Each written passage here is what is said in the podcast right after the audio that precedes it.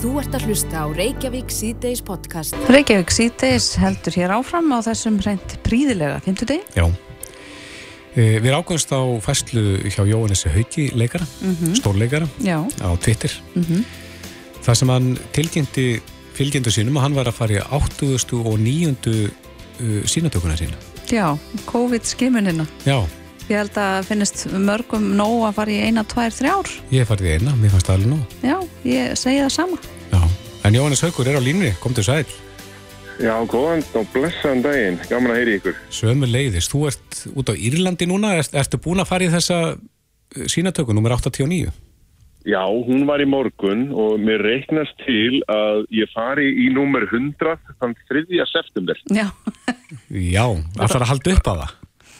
Ég, já, veistu það er, ég er hérna í bæ sem að heitir Greystones, rétt fyrir utan Dublin og þetta er rosa svona hippa bær, það er allir, það voru mikið að vegan svona veitingastöðum og allir í sjósundi og svo er einhverja svona hippa búður, ég er ekki að fara að kaupa eitthvað gott reykjelsi og þá með kannski hálsbrjósikur og svona leika eins við við hérna nefhólurnar og, og kokið. já það er eiga það skilið.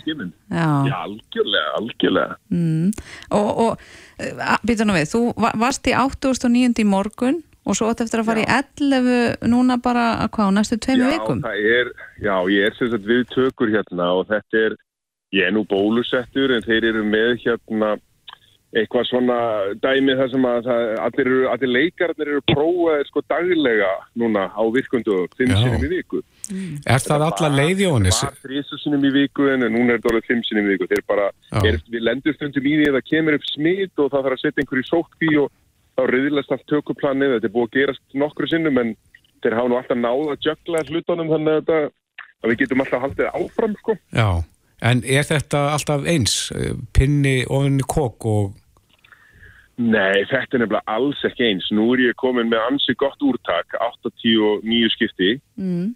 og ég tók eftir því, ég er nú búin að fara þrísvar heima á landamærunum og svo hætti hann við Suðurlandsbrutina Mm og ég tók eftir að pinnarnir sem þið nota heima eru öðruvís en pinnarnir sem þið nota hérna. Þeir eru mjórri heima, mjórri og stinnari. Nú, Hérna eru þeir aðeins þykkari en við þess vera svona lausari í sér og svo eru mismunandi útgáfur af testinu. Þetta hérna, þeir eru hættir því núna hérna að fara þetta lengst aftur í koki gegnum nefið. Núna fara þeir í koki gegnum munnin mm. og svo strjúka þeir svona í sikkora nösina í 10 til 15 sekundur. Þetta tekur aðeins lengri tíma Já. en er svona minni, minna svona já, þetta fyrir ekki alveg hann lengst upp í, upp í nefið. er, er, En svo er það líka, svo skiptir líka máli hver það er. Það eru nokkri sem að framkvæma testin. mm Sumir eru rosalega mjúkendir, aðrir eru, ég segi ekki harðhendir, en maður finnur fyrir því. Og svo er ein kona hérna sem testar þannig að þegar hún stríkur í nefið þá, þá nærra ég hvert einasta skipti en ekki á öðrum. Kýtlar meira? Já, þannig að þetta er, það eru misjafnar útgáður af þessu sko. Já, eru, eru þá nokkrir eins og tökustanum sem það ert núna, eru nokkrir að sjá um þessar skimanir? Gætur valið úr, sko, ég vil fá þessa núna? Já, yfirleitt er það svona slembilukka bara en Já, En já, já, þetta eru heil margir. Það eru náttúrulega eitthvað 200-300 mann sem að vinna við þessa þætti og þannig að hérna, þetta er bara, já, enga fyrirtæki sem að er að, sem er að gera það gott þessa Ah. dagana í, í þessum bransa. Já. En segðu okkur aðeins að því sem þú ert að gera það núti, þú ert að leika í þessum vikingaþáttum eða ekki? Já, já, þetta er hérna svona áframhaldandi seri af, af Vikings sem að fólk kannski þekkir. Það er búið að gera sex seríur af því sem að um Ragnar Lóðbrók og, og síni hans. mhm, og nú sem þetta er búið að spóla 100 ár fram í tíman og nú er það Leifur Eiríksson og, og sýstir hans og Ólafur Digri sem eru sögupersonunnar og við erum að taka upp uh, seríu 2 núna mhm, tókum upp seríu 1 í fyrra þannig samt ekki ennþá búið að sína seríu 1 en það, það er að vætta hennar bara núna í vetur já, á Netflix þá. já, já, Mm. Já, það ríkir mikið spenn á mínu heimili og við erum diggir Vikings aðdándur. Er ekki erfitt að taka við svona rosalega vinsælli seri og, og spóla svona fram í tíman? Jó, ég myndi segja það því að hérna, ég sjálfur mikill aðdáðandi hinna þáttana og þetta er náttúrulega, það er engir það er engin af gömlu karakterunum er á, á, núna, vegna þess að þetta er komnir hundra ára fram í tímar, en ég hugsa svona flesti sem að horfa á hína þættina að gefa okkur kannski sjens, en ég menna við þurfum náttúrulega bara að standa undir því. Mm Þannig að það er náttúrulega mikið af sama fólkinu sem stendur að þessu, framleiðendur og, og aðri, þannig að hérna, við, allavega, við erum allavega að fá ágæti sjens mm -hmm. þetta, persónulega finnst mér þetta voða, gott sko en og, við bara sjáum hvernig þetta fyrir fólk Já, er þinn karakter, er hann góður eða vondur? Heldum að með honum?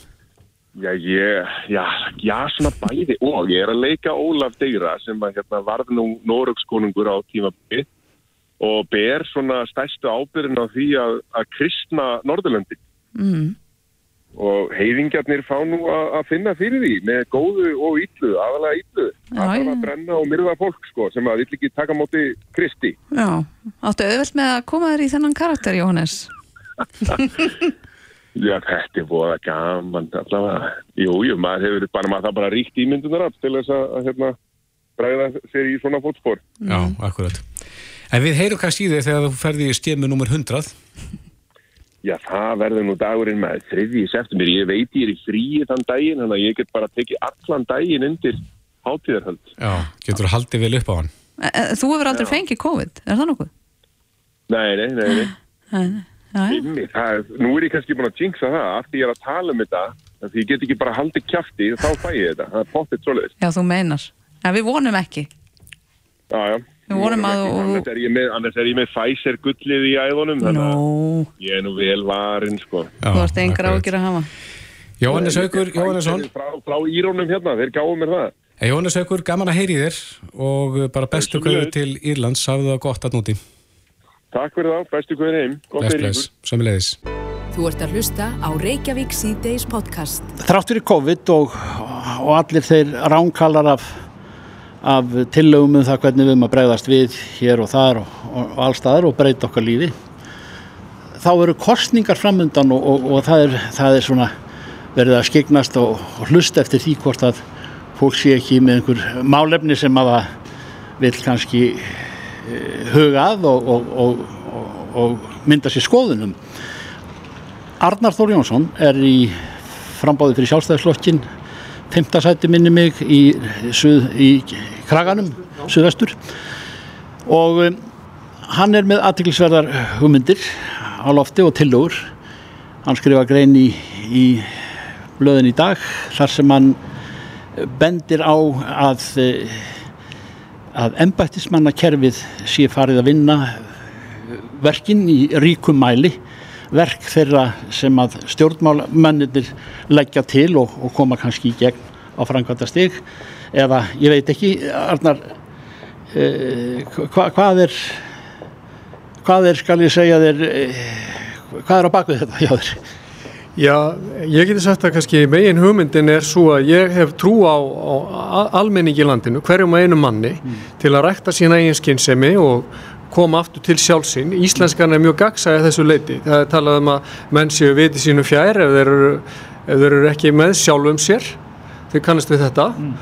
Og uh, ég vil hvetja fólk til að hugsa sjálfstætt, taka ábyrðu á eigin lífi, mm. treysta sér til þess að taka upplýstar ákvarðanir mm. og í því fælst að ennbættismenn og stjórnmálamenn uh, treysti almenningi til þess að gera það mm. og út á þetta hefur hefur vestræna líðræði gengið núna og hefur gengið alveg ótrúlega vel í, í svona heilt yfir mm. í núna meir en 200 ár og við hefum að halda áfram á þeirri braud við hefum ekki að ofur selja okkur hérna, sérfræðingaveldinu uh, fámennistjórn embætismannaveldi eða einhverju valdi, skrifstofuveldi sem er í fjarlægum borgum. Ég bara er algjörlega á mótið þessu mm. og vegna þess að ég bara vil, ég vil efla líðræðið og, uh, og hveti fólk til að hugsa sjálfstætt. Ef við, ef við missum trún á einstaklingin þá blasir við bara ginnunga gaf, ognar og allræðis og harðstjórnar. Mm. Vegna þess að ef, já, sko, stjórnvöld mega ekki missa stjó, trúna á einstaklingin. Það er það sem heldur líðræðinu gangandi. Mm en eh, er með öðrum orðum báknið orðið of mikið og stort í sniðum og uh, þar verða hugmyndirna jáfnvel til og, og, og þeim komið að framkvæmdastík. Já, það blasir við og uh, eitt af því sem að knýr þetta áfram og ég nú tala ég auðvitað sem lögfræðingur er að er að sko reglurna verða sífælt umfangsmeiri og flóknari og þetta er orðið svo ógagsætt að lærðustu sérfræðingar í lögum sjá ekki gegnum þetta með góðu móti. Þannig að ég svona verði að velta því fyrir mér og bent á það einhver staðar að hinn leiðin er að hafa einfaldari reglur og, uh, og uh, fela fólki ábyrð og segja bara þetta eru reglurnar ég ætla að fela þér að framkvæma þetta og ef, það, ef þú klúrar því mm. þá berðu ábyrg. En það sem við höfum verið að horfa á núna er að stjórnmálamenn og ennbættismenn vinna eh, svona í einhverju, þetta er einhvers konar vanheilat bandala þeirra á milli sem verður til þess að enginn ber ábyrg á því sem að klúrast. Þú hefur líka verið með ákveðnar eh, efasendurum eða öllu heldur fjallaðum í þínum tillögum eh, sem þú, þú berð fram með þínu frambóði, að að ekki bara kerfið sé að vinna þetta allt og mikið heldur, heldur það að, að það sem þú laðir til á, á, á dögunum að fullveldismálin okkar er ekki í ásættanlegu horfi. Þau eru það ekki og ef við höfum ekki stjórn á okkar einn málum uh, getur við, hvernig getur við treyst því að allt fara á besta veg? Ef að þú hefur ekki stjórn á því hvernig heimilinu er stjórnað, hvernig getur þú treyst því að eh, heimilinu muni farnast vel næstu misseri og næstu ár. Þú hlýtur að vilja stjórna þig sjálfur. Það sama hlýtur að gildum Íslendinga. Við eigum að hafa trú á því að við getum stjórnað þessu landi farsælega mm. og halda okkur við það en ekki að, of, að framselja valdi of ríku mæli til, til manna sem við þekkjum ekki og höfum ekki neitt líraðislegt taumhald á. Áttu við Brussel? Til dæmis, til dæmis og kannski held ég að, að það, eru mörg teikn á loft um það að Brussel valdið er að seilast núna til óheirilega mikill og íþingjandi áhrif að gagvart aðeldaríkjum ESB en þá líka við um okkur sem erum í EES þar að segja þeir vilja núna sko seilast inn í innaríkismál og utaríkismál þjóða og hafa skoðan á því hvað þá aðeldaþjóðun leifist að gera. Mm. Þetta tel ég að sé í raun og veru líðræðislegu samhengi ekki vel ásættanlegt. Við þurfum að taka þess, við þurfum að eiga þetta samtal hér hérna, en ekki banna samtalið eða, eða fara að beina aðteglina eða eitthvað ég og þú erum eitthvað ómögulegir fyrir að segja einhverja hluti sem eru óvinnsælir mm. við erum að ræða málefnið, hefur þið haldið? En þetta verður nú gerst á, á vakt sjálfstæðisflokksins eh, þú ert komin hann inn til þess að, að rétta kursin af Ég er komin svo sannarlega til að, að reyna að, að hafa áhrif mm. ég er ekki að grínast með þessu frambóði mm og uh, ég hef trú á grunnstefnu sjálfstæðarflokksins og ég, uh, ég átta með þetta því að þetta er fjöldarhefing og alls konar hérna, sjónamið uppi mm. en mín rött og þau sjónamið sem ég hef haft á lofti uh, hún má heyrast og ég veit að ég fulltrúið mjög margra í þessu samfélagi sem að deila mínum skoðunum og þetta er yfirvegað hófstilt fólk Þóri Jónsson, ég skaði velfarnar í inn á þessum vettvangi. Eh, þú ert hvergi bangin og ert, ert komin á, á bólakaf. Já, má segja það og gangið vel sem við leiðis. Takk. Þetta er Reykjavík C-Days podcast. Jæja, Reykjavík C-Days heldur áfram. Eh, það er fréttir bárust núna, sorgarfréttir fyrir marga að Reykjavíkumarathoni hefur verið aflýst í ár. Já, þetta er klárlega daburlega fregnir fyrir hlaupara. Já, þeir voru búin að fresta því mm -hmm. en uh, samkvæmt okkar heimildum og þá hefur þið verið aflýst. Silja Úlvarsdóttir upplýsinga og kynningafulltrú IBR er á línu, kom til sæl. Já, hæ hæ. Já, þetta hefur verið afráðið þar að segja að aflýsa hlaupinu í ár eins og í fyrra. Já, þetta var bara ótrúlega erfið ákvörðun og erfiðt verkefni að eiga við í raun og veru. Mm. Hvað, hvað ætluðu þið eða hvað, hvað sáu þið fyrir ykkur?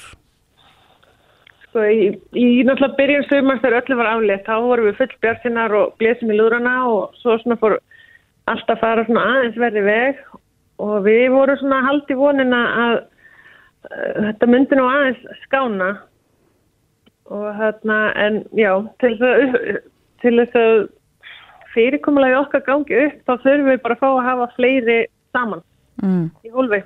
Já, þannig að þá þurfti bara að blása þetta af.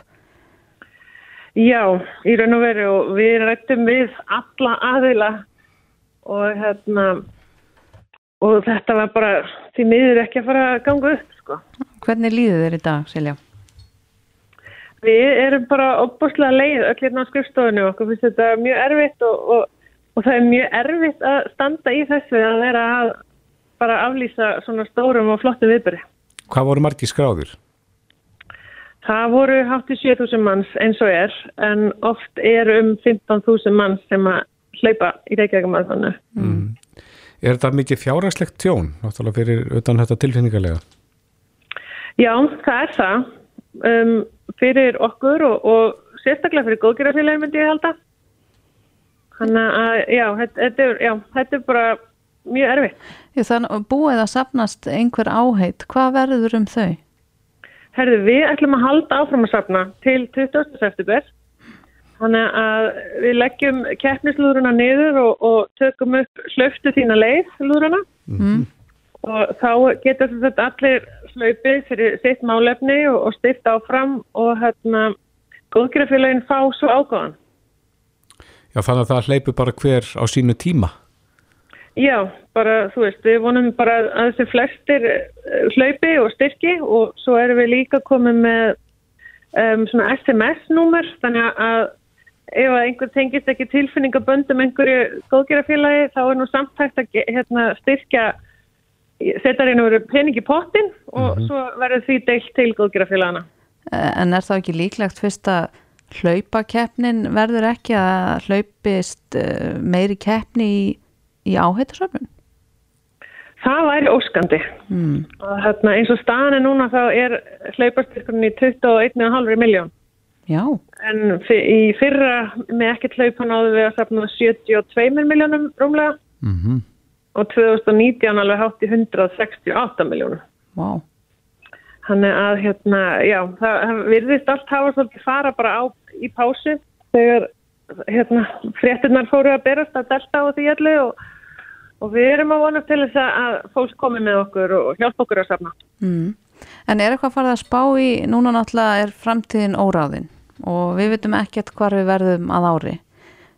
Er svona innan íþróttarhefingarinnar og farið að spá eitthvað í hvernig er hægt að halda svona stóra viðbyrði í skugga heimsfaraldurs? Ég get allavega sagt það að við erum með alls konar á teikniborðinu, við erum búin að reyna að reikna út allar leiðir og ég er alveg vissum að allir aðri hafa gert það líka. Mm -hmm. En ég held bara að tímin verði bara svolítið að sjá hvað gerist á næstinni og, og svo er bara spurning hvað stjórnmáli mennin er ætla að gera það. Mm -hmm. En það hefði ekki verið hægt að dreifa þessu bara yfir lengri tíma? Sko við erum að tala um að loka bara eiginlega allir Reykjavíkuborg. Og rétt að meðan að hlaupist en drifir? Já og þú veist hópar með ekki blandast og, og hérna, já þetta er svakalegt apparat. Einmitt. Mm. En e, þið þá byrjið bara strax að undirbúa það ekki næsta ár? Jújú, jú, ég held að við séum alveg með tilbúin með hérna, alls konar sviðismyndir fyrir næstu ár eftir hvernig COVID-farandun verður sko. En það má líka búið... Við ætlum bara, bara að einbita okkur núna að reyna að safna og Já. Að hérna góðgerðarfélagin komi ekki illa út úr þessu og, og hérna því við vitum að þetta skiptir máli og þau eru að, að hérna, sjá um ymsa hópa sem að kannski heilbreyðskerfið nær ekki að sjá um mm -hmm. þannig að hérna, við bara hvetjum alltaf til þess að, að hlaupa á safn og það er svo sagt hægt að skrá sig í, miðin heitir hlauftu þína leið og kostar þúsund krónur og þá geta allir bara tekið þátt að vera að safna Já, mm. akkurat En það má búast við því að þegar það verður síðan hlaupið, vonandi, að ári að þá verður margir í, komnir í hlaupaspreng og vilja vera með. Já, það er því að vona. Það er sannlega. Það er allir búin að taka nokkra ára undirbúning fyrir Reykjavíkumarkni 2022. Það var hörð kefni. Já. Silja Úlarsdóttir, upplýsninga og kynningaföldrúi Íþróttabandalags Reykjavíkur. Kæra þakki fyrir spjallið. Takk fyrir. Förum út að leipa. Reykjavík síðdeis á Bilginni podcast. Reykjavík síðdeis. Uh, Vigdi Sögstóttir hefur áhyggjur af stöðu slökkuliðsins á höfuborgarsvæðinu. Já, hún er ekki einum það. Það leitir í frétt á diva.is það sem er talað um orðurómum ógnarstjórn og sér fara með starfsfólk hjá slökkvilinu á höfuborgarsvæðinu. Mm -hmm. og uh, þar verist vera greitt uh, mikið í lögfræði kostnað vegna þryggja starfsmanna 14,5 miljónir króna frá árinu 2017 Já, og Vigdís Haugstóttir er á línunni Sæl, Já, komið þið sæl. uh, hvað er að gerast þarna hjá slökkviliðin og höfbruksvæðinu? Já, ég veit nú ekki alveg hvað er að gerast en ég vil taka það fram að, að þetta með ógnastjórnina er ekki frá mér komið en, en það, er, það er afskaplega erfiður og slæmur starfsandi hjá slökkuleginu Mm og það er nýbúð að gera vinnustæðaransókn á því og þar eru allir kvarðar á eldrauðu sem að segja náttúrulega ímislegt um ástandið. En þetta er búið að vera viðverandi og uh, samtals uh, á þessu árabili 2017 til 2021 þá er búið að eigða 30 miljónum í lögfræðikostnað, dómsáttir og dómsmál Mm. og það er gríðarlega mikið, mikið peningur ef úti það er farið því að þarna er þá stjórnslökkvölisins og stjórnendur að uh, útkljá einhver mál gagvart starfsmönnum. og veistu eitthvað hvernig mál þetta eru? Þetta eru mál af ymsum toga og, og svo ég nefni nú bara síðasta máli þá var það þannig að það var aðilegna slökkulisin sem að, að eh, fóra á með kvörtunumál hjá umbúsmanni Alþingis vegna ásakana sem á hann voru borðnar og umbúsmaður Alþingis sagði að, að, að stjórnendur slökkulisins og stjórnin hefðu færið offari gagvart þeim manni og, og, og hann þurfti samt að leita réttarsins fyrir dómstólum og, og það endaði með sátt núna snemma í vor gagvart einn starfsmanni og, og hún voru, var gre greitur allir lögfræðarkostnaður og þar að auki áttu stjórnendur slökkulis að byggja nafnsökunar. Þannig að hann hafði alveg betur þannig að þetta virðist vera sko koma að ofan og niður og ég hef heimildir fyrir því en e, það sem er kannski undra mest það er það út af hverju stjórn slökkvölisins grip ekki inn í. Formaður stjórnar slökkvölisins er Dagur Bjækjarsson borgarstjóri en í stjórninni sita jafnfram bæjastjórar sveitafélagana á höfuborgarsvæðinu. Mm. Þú myndist á þessar starfsánægu kannanir og þær hafa sínt síðustu ár að eh, starfsmannamálin er ekki nóg góð. Eh, Af hverju er ekki búið að grípa þarna inni?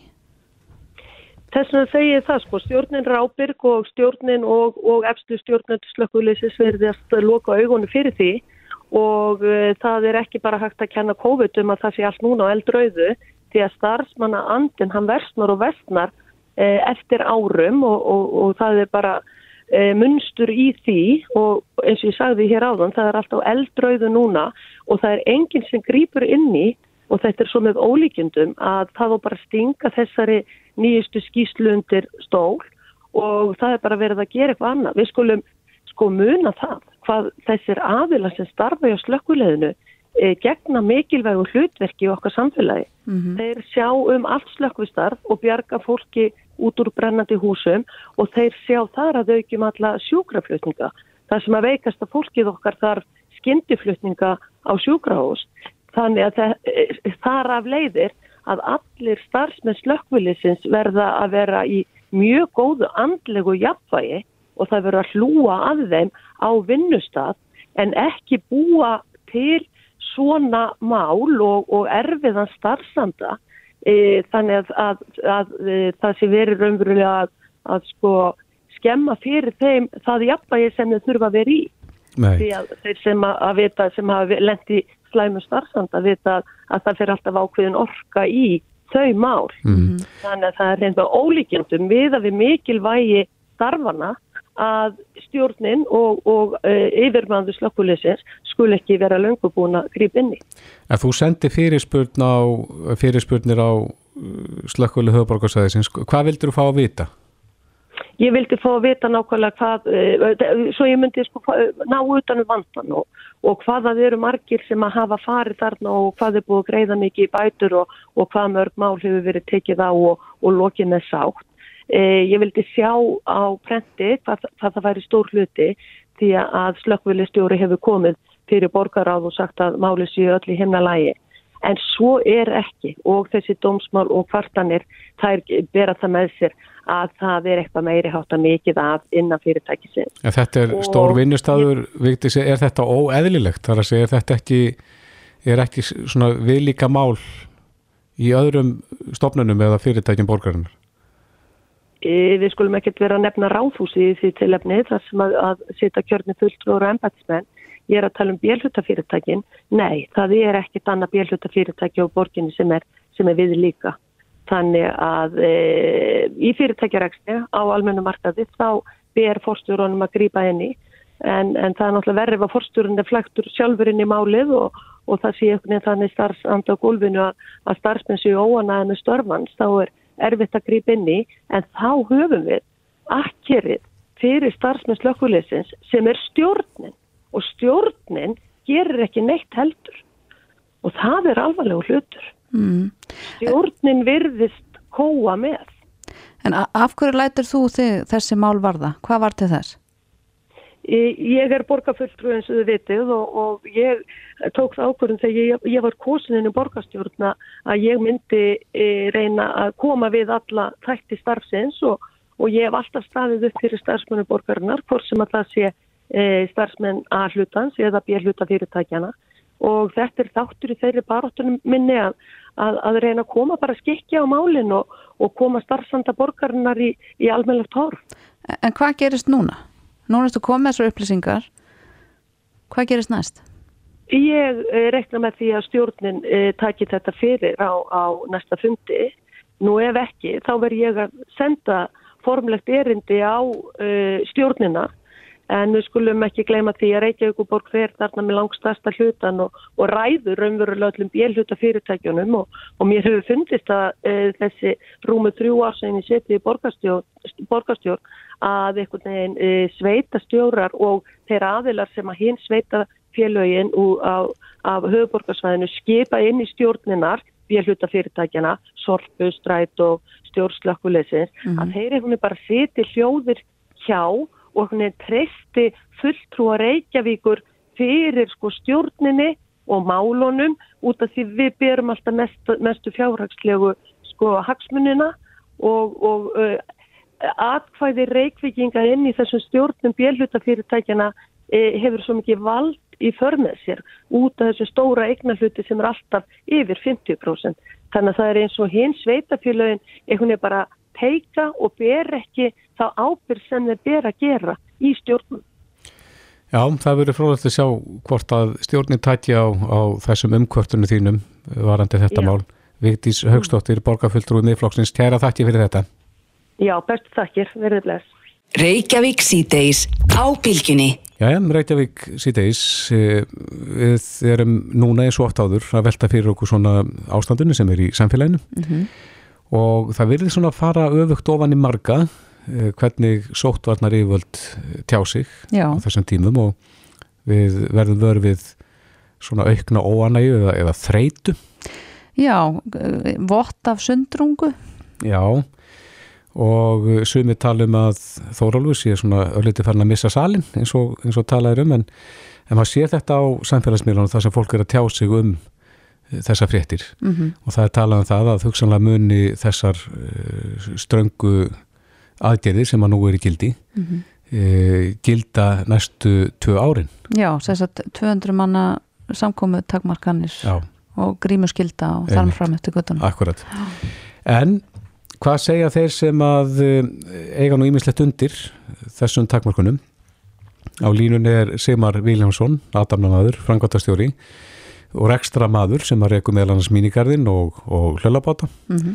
og Barjón, uh, eh, sælsimi Já, sælverði Já, hvernig hljómar þetta í þínum eirum svona út frá eh, rekstrinum séð?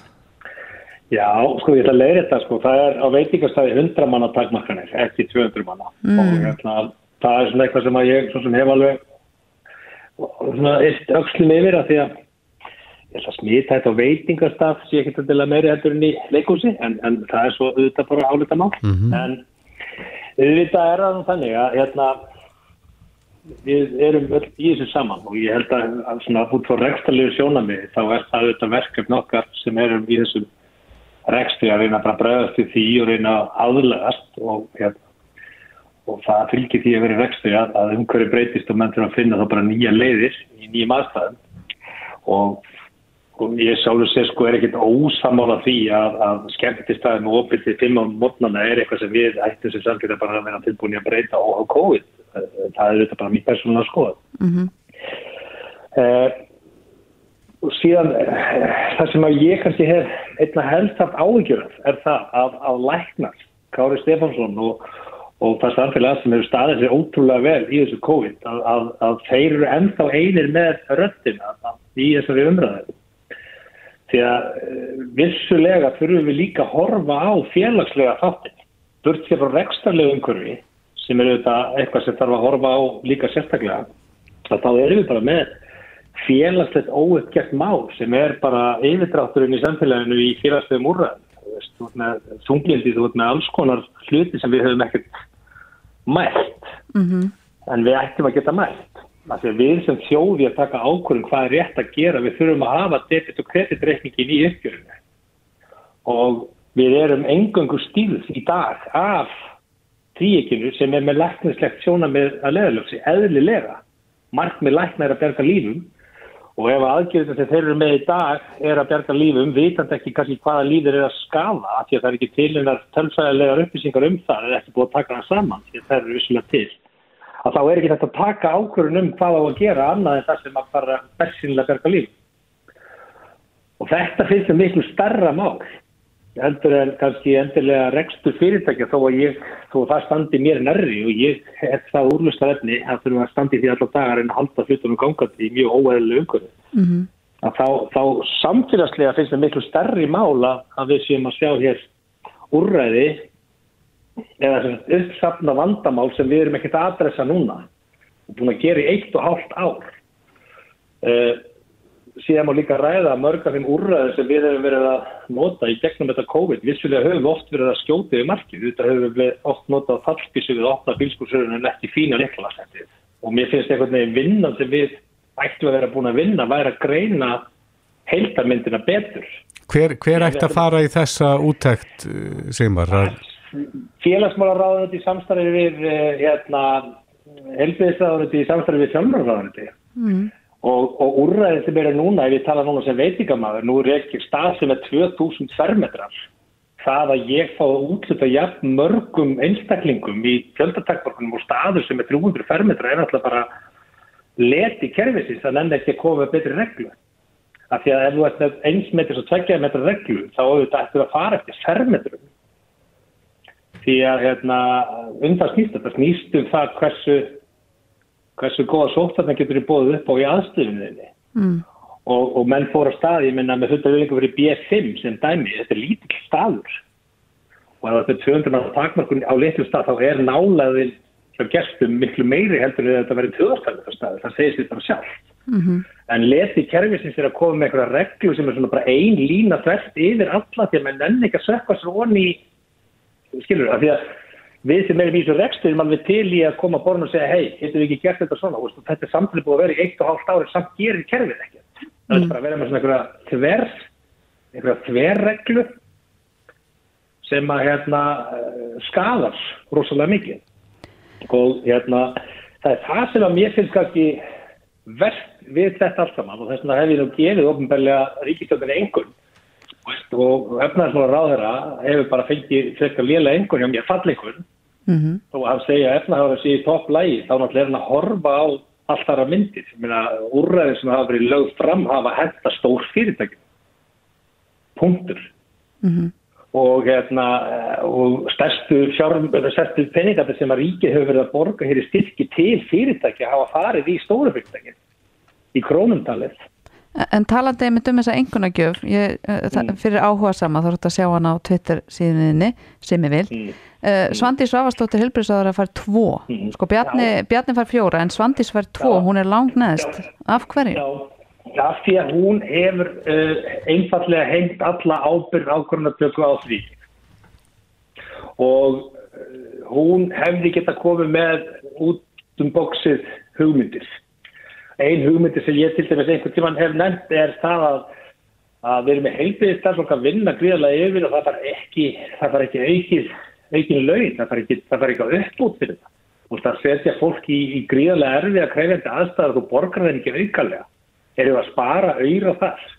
án gríns mm. uh, einn hugmyndi mér var að segja herðu, okkur erum við ekki með svona sellu okkur við búum ekki til 2-40 manna hópa af, af, af heldiðstarfsfólki sem fær þrefald laun fyrir það að vera yngöngu með COVID-úræðin og það er bara þetta fólk sem þarf þá að setja sig mögulega við í, tvekja, segjum, í tvo mánuð að vera bara eins og eins og hérna skipstjórar eða, eða flutningasjómenn sko, mm. að þeir eru bara frá sínu heimir í tvo mánuði, fá ríkulega fyrir það greitt, fá svo tvekja mánuða því og næsti hópur fyrir inn og við sláðum þá skjaldborgu undan þá sem eru veikastir og alvarlegastir með undirlikandi sjúkdóman fyrir þá sem greinast með COVID og tökum það aðeins út fyrir þannig að við séum ekki öll, allt samfélagi sett í búblu og veist, bara kostnari við að, að að mæta heilbæðistansfunum með þessum hætti bliknar við hliðin á þeim verðmættu sem er að föðra upp í ástandinu eins og er í dag.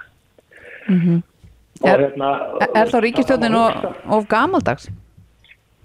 Ja, þau eru bara á kostninga ári, á leðin í kostningar og þau eru það að leiða til meira hugsun raskættuða samlum sem heldur um þjóðina, bara ef ég má tala íslensku. Sko. Já, þú mátt það. Já. Menn þóra ekki að stíga inn og taka ákvarðanir sem eru til heila mögulega þjóðinni á hættið að missa vinsendra því að það er bara að hugsa um að fá endurkjörs og þetta er bara að grafa alvarlegt mál og ég er ekkert að segja að stjórnar anstæða sé eitthvað betri að koma með eitthvað eftir á skýringur um hvað hefðum að gera það sem við þurfum að horfa á er bara óriðskuður staða við þurfum að horfast í auðvitað að þetta er afleðingar eh, félagslegar afleðingar þess lífs sem okkur hefur verið búið upp á. Og, og það er leiðilegt fyrir alla að fá COVID en við verðum að geta séð debit og kreditreikningi til að sjá hverju endalega niðurstaða er. og, og svo vinna hefur ekki farið í gang og hún alltaf heim í pólitíkinni. Og, hérna, og sama eins og með skólakerfið og annað, ég minna svo er með að að byrja mentaskóli í gæri og fyrst í dagurinn í dag þegar ég kennur að koma í sokku dagur tvö hvernig haldi því að samfélagi geti borið þetta? Mm. og ég hef settið líkin á Twitter að mér finnst stundum eins og við búum í tvöföldu samfélagi. Það eru ofinbyrjum starfsmenn og svo er það enga gerin því að hérna, þeir sem að vinna í engagerunum þau get ekki endalust eh, fengið frí. Það er bara þannig, korki þeir sem eru að, að vinna í sín vegi fyrirtæki eða þeir sem vinna hjá engafyrirtæki, allt í þess erum við farin að búa þannig til óbeina stöðu að bara, já, þetta er batni grunnskóaldri ok, þetta verður erfiðið vetur, ég kannski þarf að fara að skipta um stans mm -hmm. ég er ekki að segja, ég gerir það, en þetta er þetta er afsinu óp, þetta er óp við afsinu öryggi allra þeirra starfsmanna sem vinna í enga fyrirtækjum og takja eftir það eru 72% allra starfsmanna á landinu. Já, mm. Seymar, við verðum að setja punktin hérna að þú kallar eftir Já. því að það verði geð úttekt á, á þessu málum og, og félagslegi þátturum verður tekinn hann inni, ekki síður heldur en Já. þessi líkamlegi. Og menn breytti bermaðar og hætti að gera kerfið svona latt. Þetta er bara leti að fara ekki onni málinn betur og útfara ekki þín, gera ekki þessi úrræði betur, hvort sem það er í efnæðisnaðgjörðum félagslegum aðgjörðum eða helfisum. Já, Sigmar Viljámsson, aðdafnumöður, kæra þakki fyrir þetta. Semulegis. Reykjavík síðdeis á Bilginni podcast. Jæja, Reykjavík síðdeis. Eh, það er komin út ný stísla frá fjölmjölanend, það sem hefur verið að tala um þáttöku fólks í umræðum undir eh, fréttum á netmjölunum. Já. Þetta er svo kallar kommentarkerfi. Mhm. Mm og uh, það fær nú ekki góða dóma. Nei, það stendur hér að mun meira er um haturstal, net einelti, augranir og háðung mm. í aðtöðasendakerfum á Ísland en í Nóri. Já, séu þessi tvöland borin saman. Mm -hmm. Já, á línunni er uh, Skúli Gerdal, verkefnastjóri hjá Fjölmila nefnd, kom til sæl. Já, sæl er þið. Hvernig fór þessi aðtöðun eitthvað fram? Hvernig, hvernig fenguðu þessa niðurstöðu? Sko við reyðumst í viðtaka spurningakönnun með maskinu uh, á þessu ári í februar og mars og þetta er eitt hluti af þeirri könnun. Þetta var viðtaka könnun á miðlalæs á Íslandi. Við erum búin að gefa út tvo hluta nú þegar og eigum eftir að gefa út ja, eitt til tvo hluta í viðbót. Mm, ok. Og hvað er það svona helsta sem að kemur fram í, í þessari könnun ykkar? Núna það sem að stingur í augun í þessari nýju skýslu er annars vegar Eh, svo staða sem ungar konur standa fram með fyrir eh, að það er verið að slendi í því miklu meira heldur en aðverið aldursópar og þá er þetta um aldurinn 15-17 sem er yngsti aldursóparinn mm -hmm. í þessari konun það er að lenda í myndbyrtingum án samþykis og það er að lendi þvingunum til þess að senda myndir og aðra persónulega upplýsingar uh, á netinu. Í gegnum þá samfélagsmiðla og slíkt? Já, nákvæmlega. Mm. Og bara með því samanburðar þá er þetta sko 15 ungra hvenna sem er lendi í myndbyrtingum og fjórðungur sem er upplýðað að það að, að einhver hefur þvingaðir til þess að senda myndir eða upplýsingar. Uh, og ef við tökum alla aðra aldurshópa þá hlutallið þar 0,6 til 2%. Þannig að það er greiðlega munur. Já, en þegar kemur að kommentarkerfinu og, og þessari líðræðslegu umræðu sem að þar á sér stað Já. stundum, uh, hvað kom út úr því? Sko þar eru við að sjá að, að það er opbóslega mikill munur á haturstali, netinelti og aurunum og hótunum hjá okkur hérna á Íslandi heldur en Noregi. Noregur er að sjá aukningu þessum málum.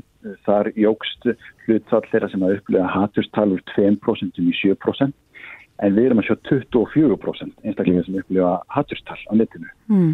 sem er, er ekki fallega neðustöður.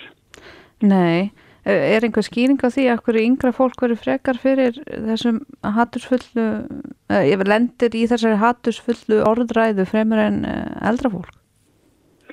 Það er eitthvað sem við þyrtum að skoða nánar og, og þurfum klárlega að skoða nánar uh, af því það vekur upp marga spurningar af hverju yngsti aldursópurinn er að upplifa þetta allt saman og það er talað um netineltið og hótanirna líka mm -hmm. uh, spurningin er hvort að þau sjálf séu að að beita hvort annað þessu ofbeldi og þessu hattifulli umælum eða hvort að eldri einstaklingar er að, er að nýta sér yfirburði mm. og beina þessu að þessum hópi því að það sem við sjáum líka er þessi áhrif sem þessi hattursorðaða hefur á fólk.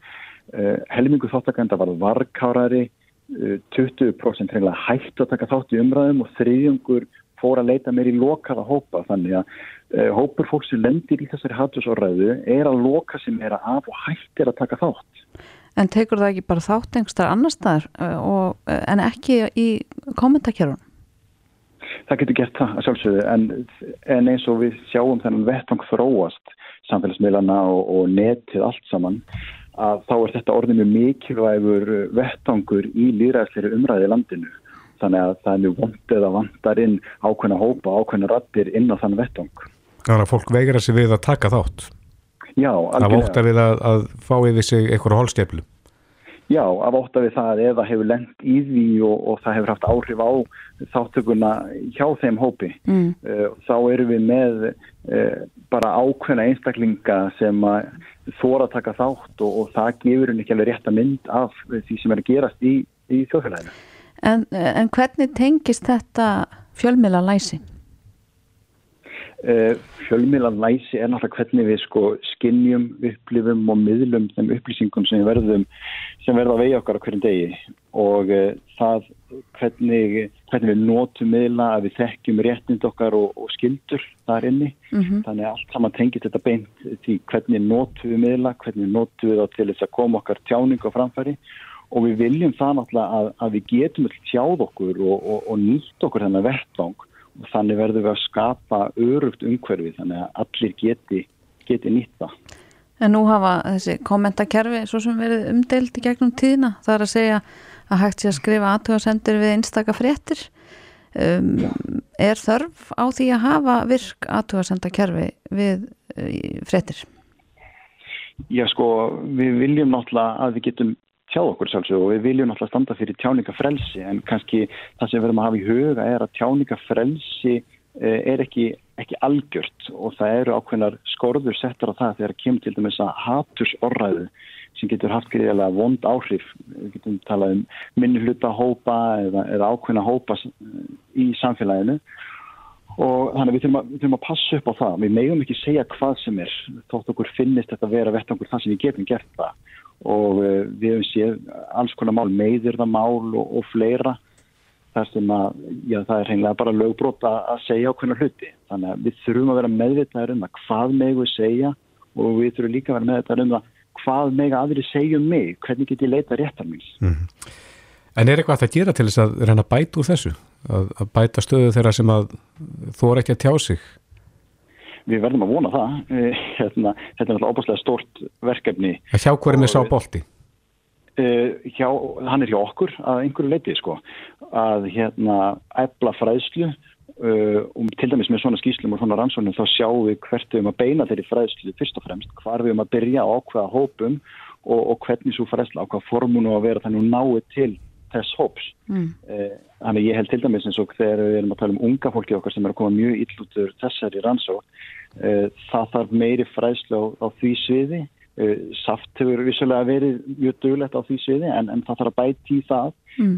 hjá fjölumjölunemnd hefur við ekki verið að, að, að vinna í þessu í miðla læsi en þetta er náttúrulega lögbundu hlutverk okkar í dag og, og við þurfum að gera meira. Við höfum ekki rannsóknir til að byggja frá fyrri árum þannig að við þurfum alltaf að rannsaka þetta við þurfum að bæta fræslunni okkur Já. við þurfum að gera meira klálega við þurfum að taka í tömana Já, uh, skúli Geirdal, verkefnastjóri hjá fjölmjöla nefnd, við fylgjumst áfram með ykkar störfum og þökkum þið kærlega fyrir spjallið. Takk sem er leiðis Bless, bless. Bless.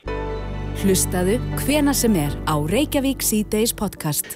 Við lifum áfram á COVID-tímum og það er kannski ekkit eh, svona bjart framundan eh, fer þú eftir eh, því við eða við hverja er, er rætt í þessum efnum? Og hér á færnum vegi hittum við Friðrik Ómar, hann er öll tónleikahaldari og, og það hefur nú ekki verið beisin útgerðin síðustu misserinn, já, þetta er ekki árið tvö ár sem að eh, húsin eru get ekki hýst nema einhver lámasfjölda sem að eh, segir sér sjálft að, að, að hljómleikar af ymsum tagi bera sig alls ekki Freyrík, þi- þið eru það samt sem aður að, að andafi og, og spyrja hver, hver framtíð ykkar er sem að hafið fengist við það að halda menningun á þessu sviði á lofti. Mhm, Já, þetta er svona í fyrsta skipti sem við eh, heyrum í sóttanarlegni koma kannski með einhverja svona tillögur af, af, af eh, næstu mánuðum og jafnvel árum